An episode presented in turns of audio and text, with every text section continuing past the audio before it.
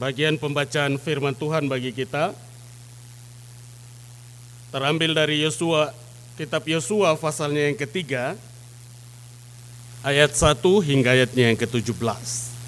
Kitab Yosua pasal 3 ayat 1 hingga ayatnya yang ke-17 dengan tema khotbah dari bagian bacaan ini adalah Kuduskanlah dirimu, Allah yang hidup ada di tengah-tengahmu.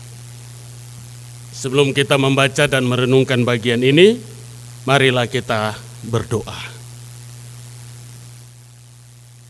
Allah Bapa di dalam kerajaan surga, Tuhan firman yang hidup. Kini kami hendak bercermin dari kebenaran dan firman. Persiapkan hati dan pikiran setiap kami agar ketika kami membaca dan merenungkannya, firman itu boleh tinggal di dalam hati kami. Kemudian sesuai dengan janji dan kebenaran bahwa rohmu yang kudus akan memimpin dan mengarahkan kami untuk memperlakukan firman dan kebenaran itu dalam kehidupan kami tiap-tiap hari. Pimpin dan sertailah kami ya Tuhan, firman yang hidup. Amin.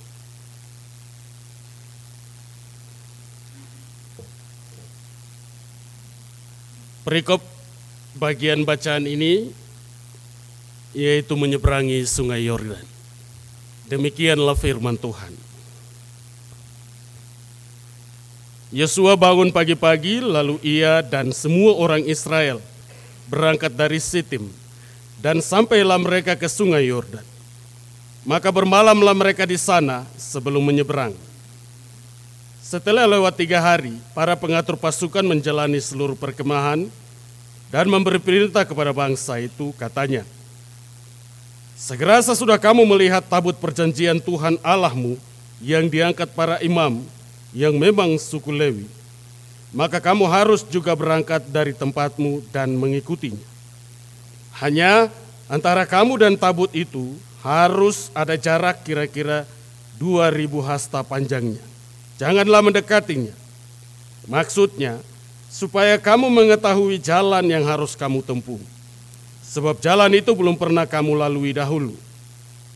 Berkatalah Yosua kepada bangsa itu, Kuduskanlah dirimu, sebab besok Tuhan akan melakukan perbuatan yang ajaib di antara kamu.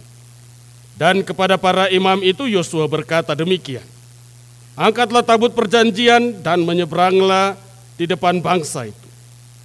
Maka mereka akan mengangkat maka mereka mengangkat tabut perjanjian dan berjalan di depan bangsa itu. Dan Tuhan berfirman kepada Yosua, "Pada hari inilah aku mulai membesarkan namamu di mata seluruh orang Israel, supaya mereka tahu bahwa seperti dahulu aku menyertai Musa, demikianlah aku akan menyertai engkau." Maka kau, kau perintahkanlah kepada para imam pengangkat tabut perjanjian itu demikian. Setelah kamu sampai di tepi air sungai Yordan, haruslah kamu tetap berdiri di sungai Yordan itu. Lalu berkatalah Yosua kepada orang Israel, Datanglah dekat dan dengarkanlah firman Tuhan Allahmu.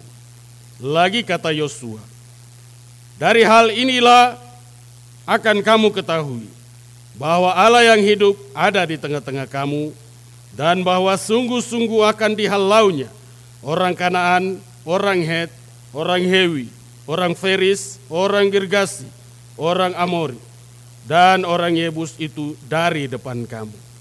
Sesungguhnya tabut perjanjian Tuhan semesta bumi berjalan menyeberang di depan kamu, masuk ke sungai Yordan.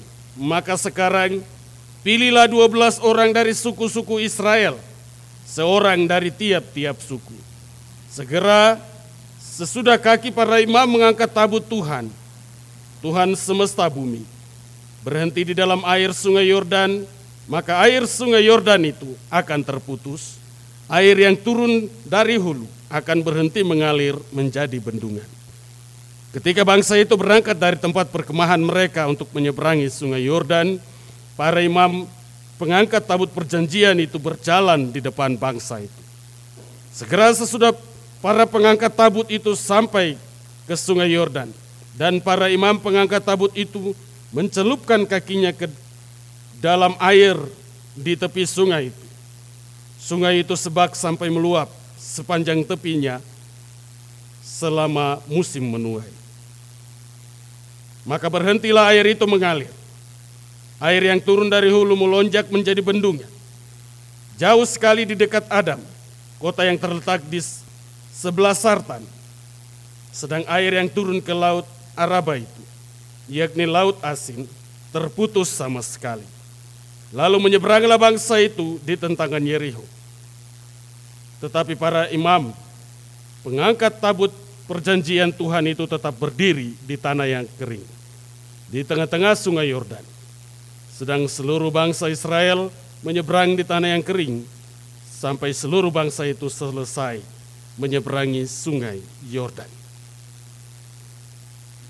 Demikian bagian pembacaan firman Tuhan bagi kita di saat ini.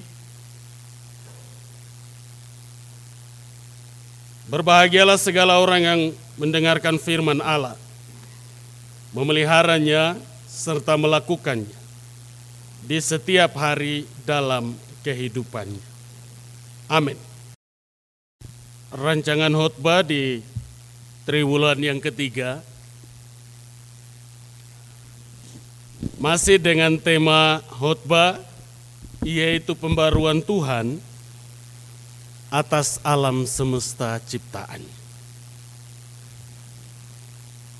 Di Minggu Trinitas yang keenam ini, bagian bacaan yang dipilih bagi kita dari Yosua 3 ayat 1 sampai dengan 17 dan temanya sekali lagi yaitu kuduskanlah dirimu Allah yang hidup ada di tengah-tengahmu. Saudara-saudara sekalian, bagian ini saya mulai dengan identitas dari Yosua itu sendiri. Nama Yosua dalam bahasa Ibrani yaitu Hosea. Hosea atau sebutannya Yehosua. Hosea atau Yehosua yang secara harfiah itu berarti Allah adalah keselamatan. Atau Allah adalah juru selamat. Sedangkan dalam bahasa Yunani nama Yosua disebut dengan kata Yesus yang artinya sama dengan Yesus. Tapi untuk membedakan Yesus dari versi Yosua dengan Yesus Kristus, maka ada nama-nama yang melengkapi setiap pribadi. Yosua disebut dengan Yosua bin Nun dan Yesus dilengkapi dengan kata Kristus. Untuk membedakan setiap pribadi itu. Bilangan pasal 13 ayat 8 dan 16 di sana menjelaskan bahwa Yosua berasal dari suku Efraim. Nama Yosua diberikan kepadanya oleh Musa. Musa yang menggantikan namanya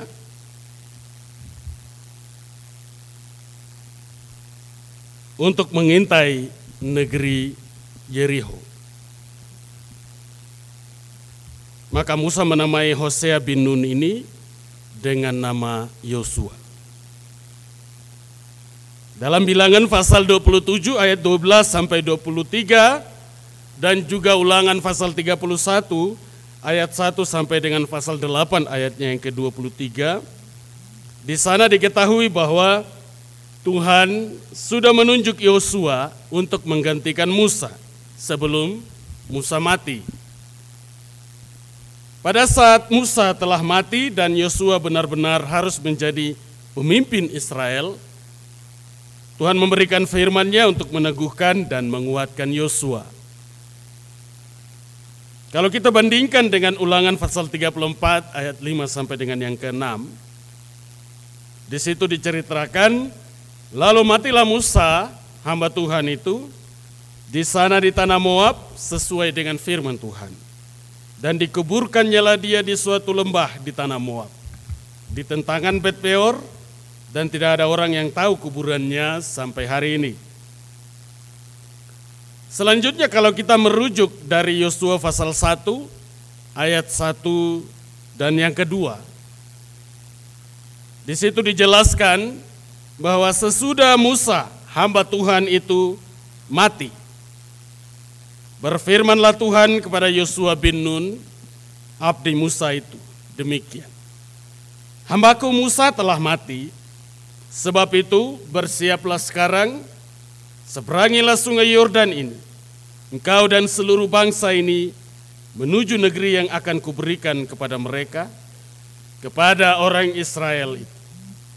Artinya, Yosua diperintahkan untuk memimpin bangsa Israel, menyeberangi sungai Yordan, memerangi bangsa-bangsa Kanaan, dan juga menduduki atau memiliki tanah Kanaan yang sudah dijanjikan itu.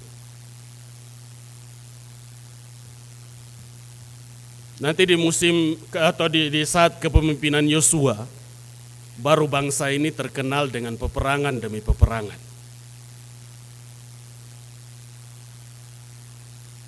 Perintah untuk memimpin bangsa Israel, baik untuk menyeberangi sungai Yordan, memerangi bangsa-bangsa Kanaan, dan menduduki atau memiliki tanah kanan yang sudah dijanjikan. Bukanlah perintah yang mudah untuk dilaksanakan. Sebab banyak hal yang sedang dan akan Yosua hadapi. Dari catatan-catatan ini menjelaskan bahwa yang pertama, problem yang pertama yang dihadapi oleh Yosua adalah usia kepemimpinan yang masih sangat muda. Artinya Yosua sendiri belum pernah menjadi seorang pemimpin, belum memiliki pengalaman dalam memimpin. Terus yang jadi persoalan lagi adalah yang dipimpin adalah bangsa, bukan kelompok, bukan komunitas, tapi suatu bangsa. Ini jadi persoalan. Kalau tidak ada kader partai politik yang dipersiapkan, maka belum bisa Anda menjadi pemimpin bangsa.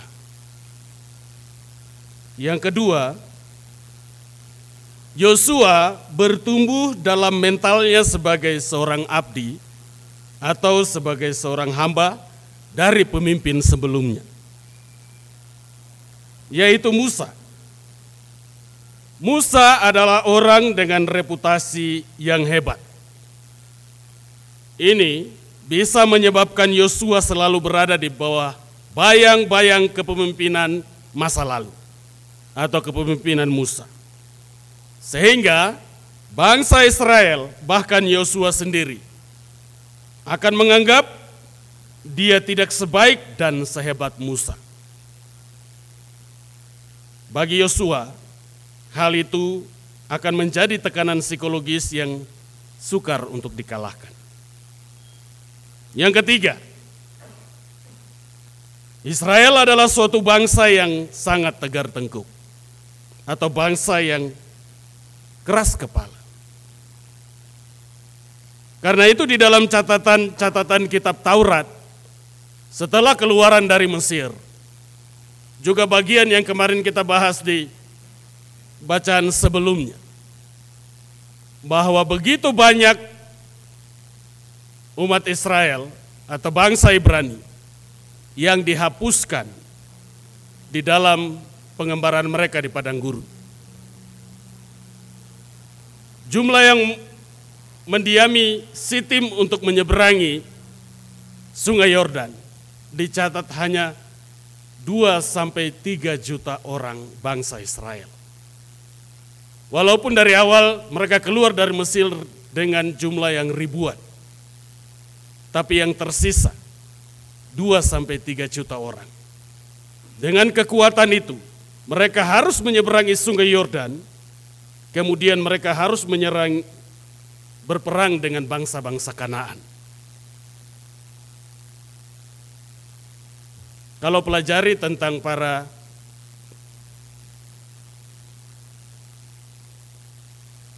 atau orang-orang yang diutus untuk menyelidiki kota Yeriho. Itu kan ada dua laporan.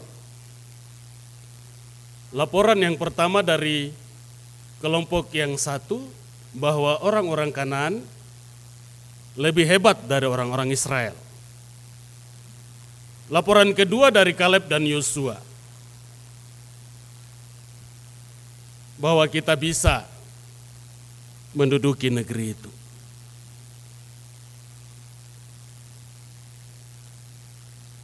Jadi problem yang ketiga yaitu Israel adalah bangsa yang tegar tengkuk atau bangsa yang keras kepala. Yosua sendiri tentu sudah sangat mengenal sikap tegar tengkuk bangsanya. Dan hal itu memiliki tantangan tersendiri.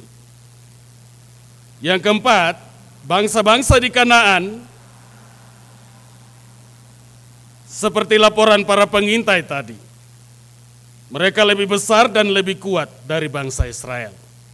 Mereka juga lebih tangguh dan lebih berpengalaman dalam berperang. Dan kota-kota mereka adalah kota yang berkubu atau memiliki benteng-benteng dan tembok-tembok pertahanan yang tinggi dan kuat. Jadi dengan dua atau tiga juta orang Israel masuk dan menyerang orang-orang Kanaan, itu hal yang sangat mustahil. Kemudian yang kelima, arus sungai Yordan yang deras pada saat itu. Dan juga jalan itu belum pernah dilalui oleh mereka. 40 tahun terakhir pengembaraan mereka di padang gurun, hari waktu terakhirnya adalah di kota Sitim atau tempat Sitim itu untuk menyeberangi sungai Yordan. Jadi belum ada yang pernah melewati sungai Yordan, khususnya bangsa Ibrani ini. Karena memang mereka baru keluar dari Mesir dan seumur hidupnya di padang gurun. Karena itu Tuhan memerintahkan Yosua untuk menyampaikan kepada bangsa itu. Semua berdiri dan berjalan di belakang tabut. Supaya jangan ada yang tersesat, jangan ada yang terhilang. Karena jalan itu belum pernah kau tempuh. Ataupun sudah pernah tempuh sekalipun. Jalan itu penuh dengan tantangan.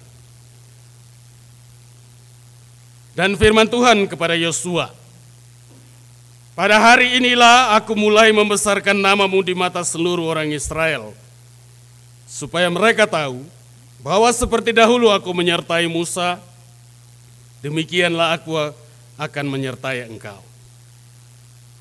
Jemaat Tuhan, Kekudusan dan kehadiran Allah membawa pembaruan atas alam man manusia dan seluruh ciptaannya. Dengan demikian, kita akan merenungkan tentang kekudusan, simbol kehadiran Allah di tengah-tengah hidup umatnya, dan juga kuasa Allah yang membawa pembaruan hidup. Tiga poin ini yang akan menjadi bagian perenungan kita dari bagian Yosua pasal 3 ayat 1 sampai dengan 17. Yang pertama adalah pengajaran tentang kekudusan. Kekudusan dalam konteks Yosua adalah suatu perintah, suatu penegasan. Satu perintah kepada umat. Bagian ini tercatat di dalam ayat 5. Di sana Yosua berkata kepada bangsa itu, Kuduskanlah dirimu, sebab besok Tuhan akan melakukan perbuatan yang ajaib di antara kamu. Kekudusan ini berkaitan dengan perbuatan Tuhan. Atau apa yang akan dikerjakan oleh Tuhan bagi bangsa Israel. Kata kudus dalam bahasa aslinya itu berarti untuk memisahkan atau terpotong. Sekali lagi, dalam konteks Yosua pasal 3 ayat 1 sampai dengan 17. Banyak bagian Alkitab yang menggunakan kata kudus, kata kekudusan dan mempunyai arti dan makna yang berbeda-beda. Karena itu jangan samakan satu bagian ayat dengan ayat yang lain. Karena Anda tidak mengerti bahasa aslinya. Karena itu sangat dilarang untuk menduplek ayat. Kecuali kalau paham boleh tidak apa-apa. Dan kata kudus dari bahasa aslinya dalam konteks Yosua ini. Artinya adalah untuk memisahkan atau terpotong. Yang bermakna bahwa untuk menguduskan sesuatu, adalah dengan cara memisahkannya. Jadi supaya manusia bisa melihat ataupun mengalami perbuatan ajaib dari Tuhan, maka mereka harus kudus. Yakni terpisah dari kelakuan, terpisah dari kehidupan dan kebiasaan-kebiasaan yang najis, yang kotor, yang tidak sopan, cara hidup yang sembrono, dan kehidupan yang bercacat celah. Cara hidup seperti begitu harus dipotong, dipisahkan. Dipisahkan dalam pengertian begini. Kalau dunia itu dunia, kalau Kristus itu Kristus. Sama dengan perdebatan Yesus dengan ahli Taurat di depan bait Allah tentang hal membayar pajak. Ahli-ahli Taurat bertanya, Guru, apakah kami harus membayar pajak kepada kaisar? Lalu Yesus menjawab, berikan kepada kaisar apa yang kaisar punya. Dan berikan kepada Allah apa yang Allah punya. Perbedaannya ada di situ. Jadi bagian ini tidak memberatkan umat percaya untuk menjalani kehidupan di dalam dunia ini.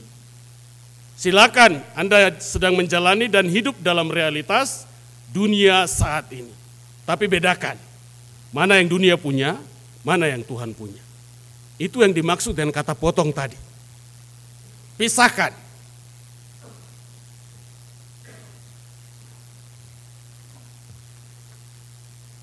Kemudian yang poin yang kedua, yaitu simbol atau lambang kehadiran Allah di tengah-tengah umatnya. Tabut perjanjian atau pendamaian, tabut pendamaian ataupun tabut Tuhan adalah wadah dan upaya pendamaian dari dosa dan pemberontakan yang berdampak pada penetapan hukum Tuhan, hidup sesuai dengan firman Tuhan, menikmati berkat, dan hidup dalam pimpinan dan pemeliharaan Tuhan semata. Hal ini dijelaskan dalam maksud dan tujuan dari pengadaan tabut Tuhan serta isi di dalam tabut tersebut. Adapun maksud dan tujuan pengadaan tabut Tuhan adalah pertama, maksud dan tujuan pengadaan tabut Tuhan untuk mengadakan pendamaian antara Allah dan umatnya. Dan yang kedua, sebagai lambang penyataan kehadiran Allah di tengah-tengah umat. Dan makna sebenarnya dari tabut perjanjian adalah segala sesuatu yang melibatkan tutup dari tabut atau yang dalam Alkitab dikenal sebagai tutup pendamaian. Tutup pendamaian sendiri berasal dari bahasa Ibrani yang berarti menutup, mendamaikan, menentramkan, membersihkan, membatalkan, serta menebus dosa. Tutup pendamaian. Dalam sekali setahun imam besar akan memasuki ruang maha kudus untuk mengadakan pendamaian bagi dosa-dosanya dan dosa umat Israel dengan memercikan darah hewan kurban pada tutup pendamaian itu. Untuk meredakan murka dan kemarahan Allah atas dosa-dosa yang dilakukan oleh umat Israel.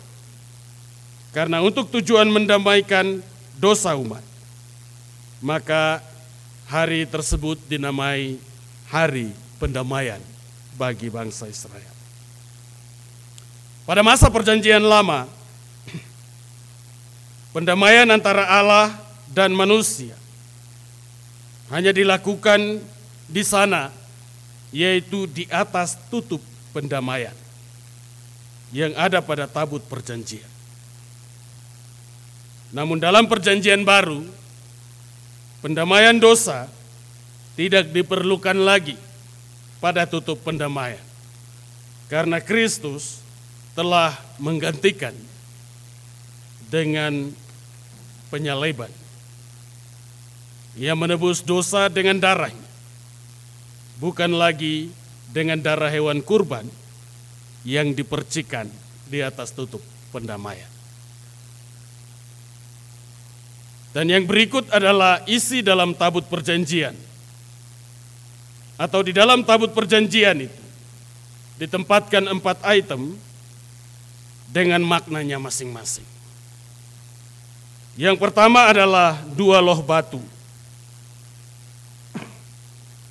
Dua loh batu berbicara tentang sepuluh perintah Allah. Dua loh batu bermakna hukum Tuhan. Item yang berikut adalah gulungan kitab Taurat. Gulungan kitab Taurat bermakna firman Tuhan, Kemudian item yang berikut adalah satu buli-buli emas berisi mana. Ini bermakna berkat Tuhan. Dan yang keempat adalah tongkat Harun yang pernah bertunas. Tongkat Harun yang pernah bertunas bermakna pimpinan dan penyertaan Tuhan. Jika kita coba hubungkan atau artikan tabut sebagai tanda, atau simbol kehadiran Allah ke dalam kehidupan kita saat ini. Maka tidak ada simbol langsung yang sama. Tetapi jika kita hubungkan lambang kehadiran Allah seperti isi di dalam tabut perjanjian itu, di antaranya sepuluh perintah Tuhan dan gulungan kita Taurat. Maka kita bisa katakan lambang kehadiran Allah saat ini adalah Alkitab. Yang di dalamnya memuat Taurat dan Injil ataupun firman Allah itu. Kemudian poin yang ketiga yaitu kuasa Allah membawa pembaruan hidup. Lalu berkatalah Yosua kepada orang Israel, Datanglah dekat dan dengarkanlah firman Tuhan Allahmu. Lagi kata Yosua, dari hal inilah akan kamu ketahui bahwa Allah yang hidup ada di tengah-tengah kamu dan bahwa sungguh-sungguh akan meng, akan dihalaunya orang Kanaan, orang Het, orang Hewi, orang Feris, orang Gergasi, orang Amori dan orang Yebus itu dari depan kamu. Dalam ayat 9 sampai 10 ada tiga bukti kuasa Allah hadir di tengah umatnya yang akan membawa pembaruan hidup bagi mereka. Yang pertama, tiga bukti kuasa Allah hadir di tengah umatnya, yaitu mereka atau umatnya ini akan datang dan mendekat kepada Allah atau mencari Allah dan menyembahnya. Yang kedua, mereka akan selalu mau mendengar firman Allah. Sama seperti ketika tabut perjanjian dibawa ke tepi sungai Yordan. Maka air berhenti mengalir. Demikianlah ketika firman Tuhan hadir dan hidup di dalam kehidupan orang percaya. Maka kekuatan, kuasa yang menjadi penghalang yang menghambat, yang merintangi, semuanya itu akan berhenti atau akan bisa dilalui. Yang ketiga, seperti Allah menghalau bangsa-bangsa yang menjadi lawan Israel, maka Allah juga akan menghalau semua hal yang merupakan musuh orang percaya. Seperti kelakuan atau sifat buruk atau sifat jahat dalam diri setiap orang percaya, tetapi juga relasi dengan orang lain, baik itu rancangan jahat sesama kita, kebencian sesama kita, dan sebagainya, yang adalah musuh dari orang percaya ataupun orang beriman.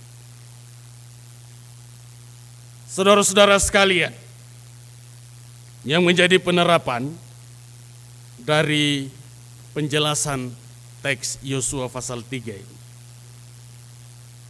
Yang pertama, tindakan pengudusan hidup menunjuk kepada prinsip bahwa Allah tidak akan bertindak dengan penuh kuasa demi umatnya.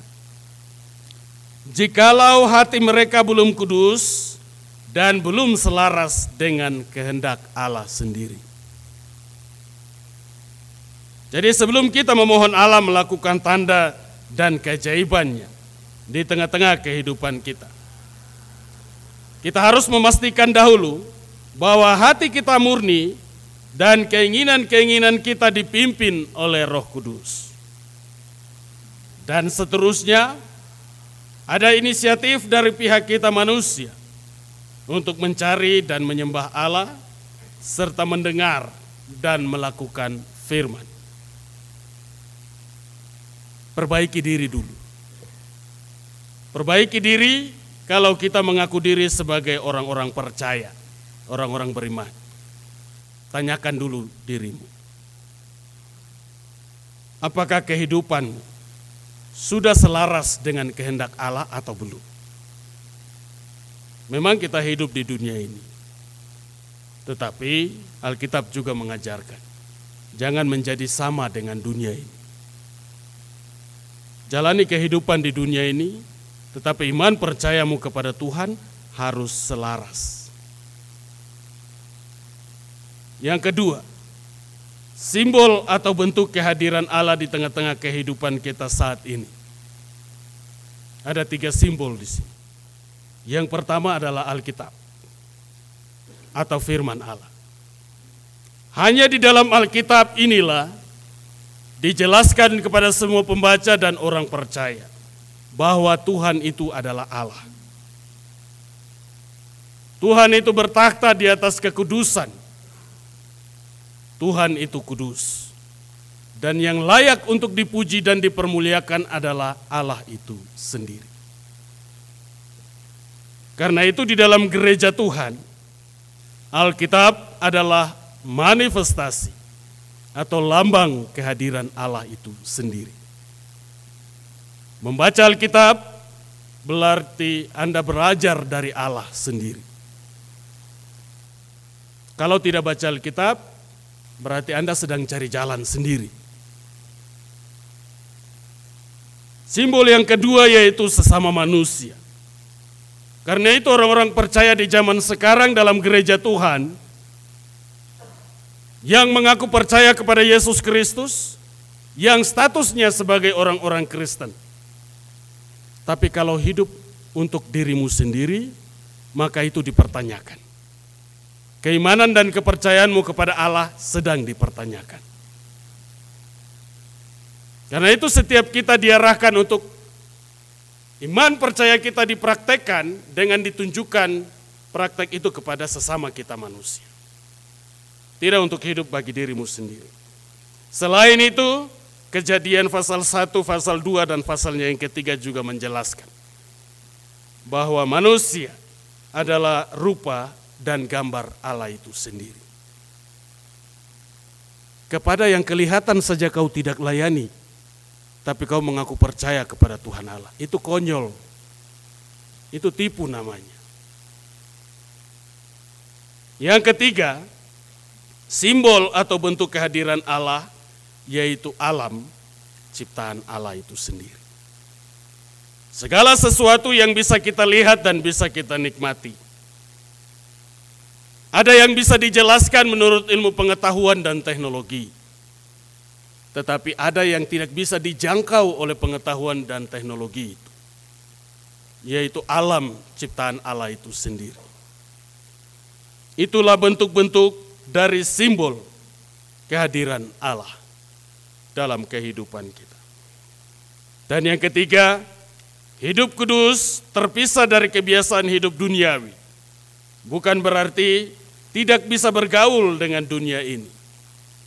Tetapi karakter, kelakuan dan sifat kita harus dipisahkan dari dunia. Hidup kudus adalah syarat mutlak atau harus dan wajib. Tidak bisa ditawar. Kalau mau melihat dan mengalami perbuatan Tuhan yang ajaib, kalau mau mengalami pembaruan dalam pergumulan, pembaruan dalam hubungan dengan Tuhan, tidak menjadi sama dengan hidup di dalam dunia, tetapi berbeda dengan dunia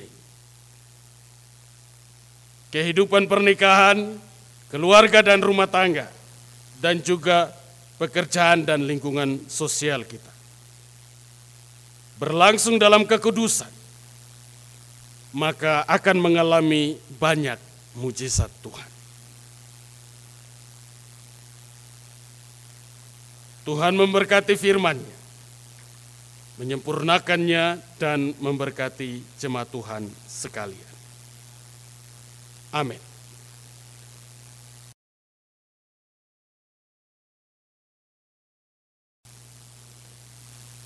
Mari kita berdoa.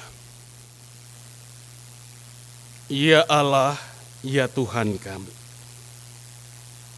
Bersama dengan seluruh umatmu di hari ini, kami boleh meninggalkan seluruh kesibukan-kesibukan kami. Kami bawa diri dan kehidupan ini, serta bersekutu, beribadah, memuliakan namamu, ya Tuhan. Inilah kehidupan kami. Inilah kepercayaan kami.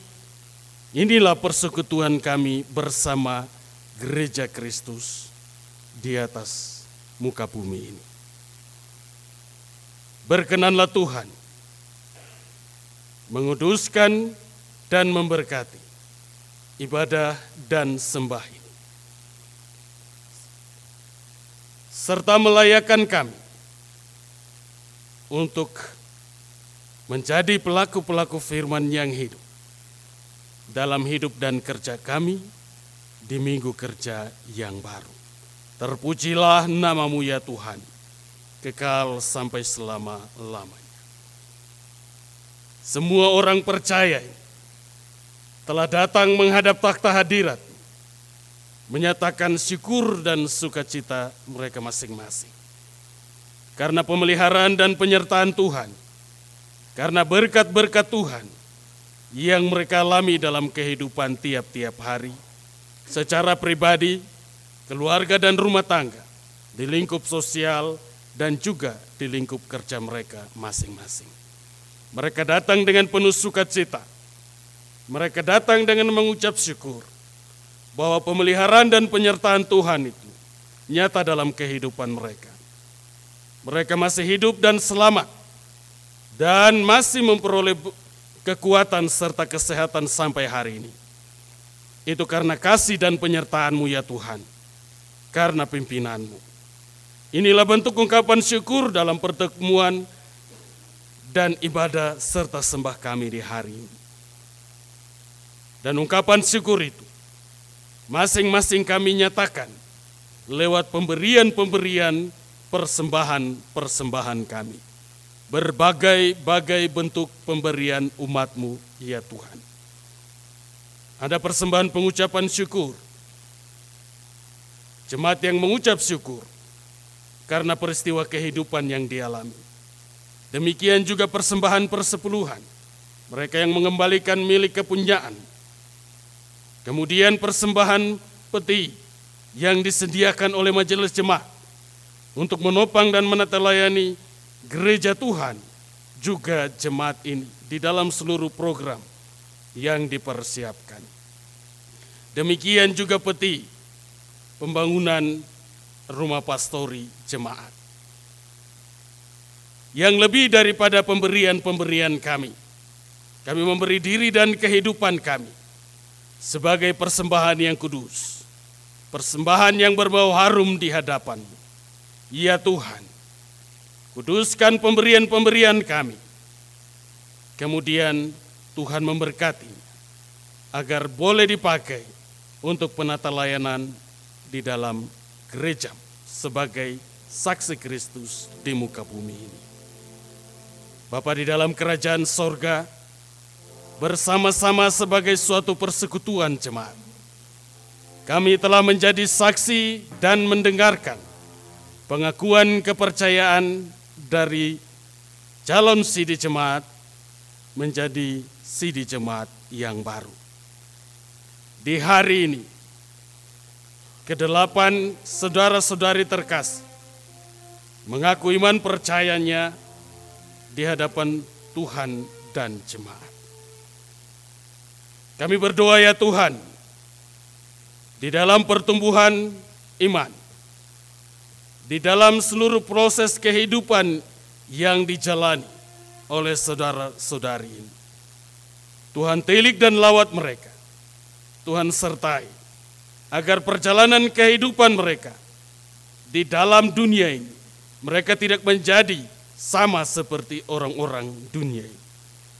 Tetapi mereka boleh memisahkan diri, boleh membedakan manakah kehendak Allah dan manakah yang menjadi kehendak duniawi.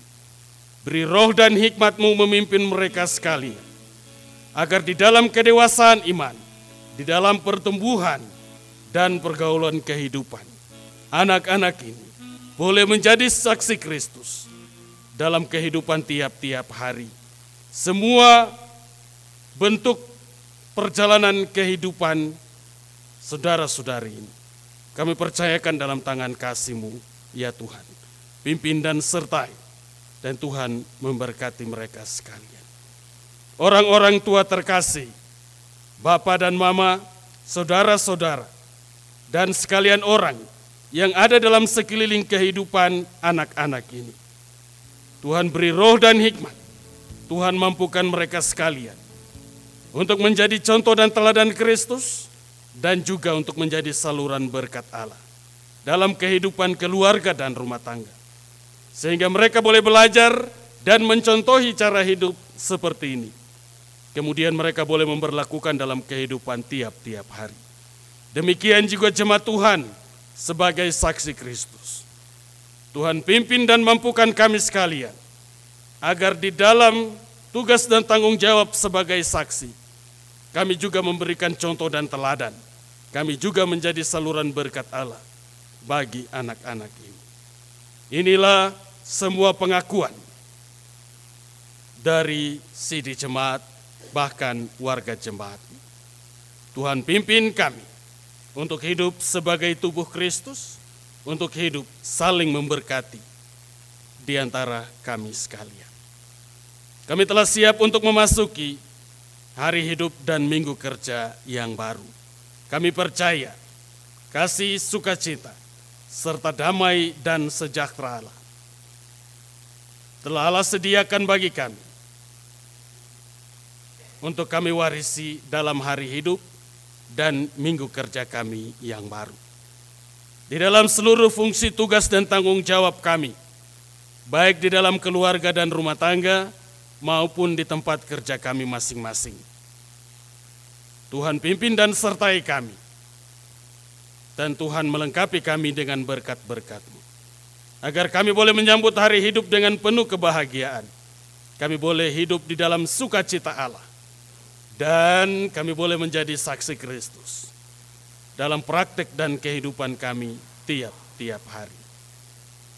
Demi Kristus, Tuhan dan Juru Selamat kami, Tuhan dan Kepala Gereja kami, kami berdoa menyatakan syukur dan sukacita serta bersyafaat kepada Allah Bapa di dalam kerajaan sorga, Allah yang esa. Amin.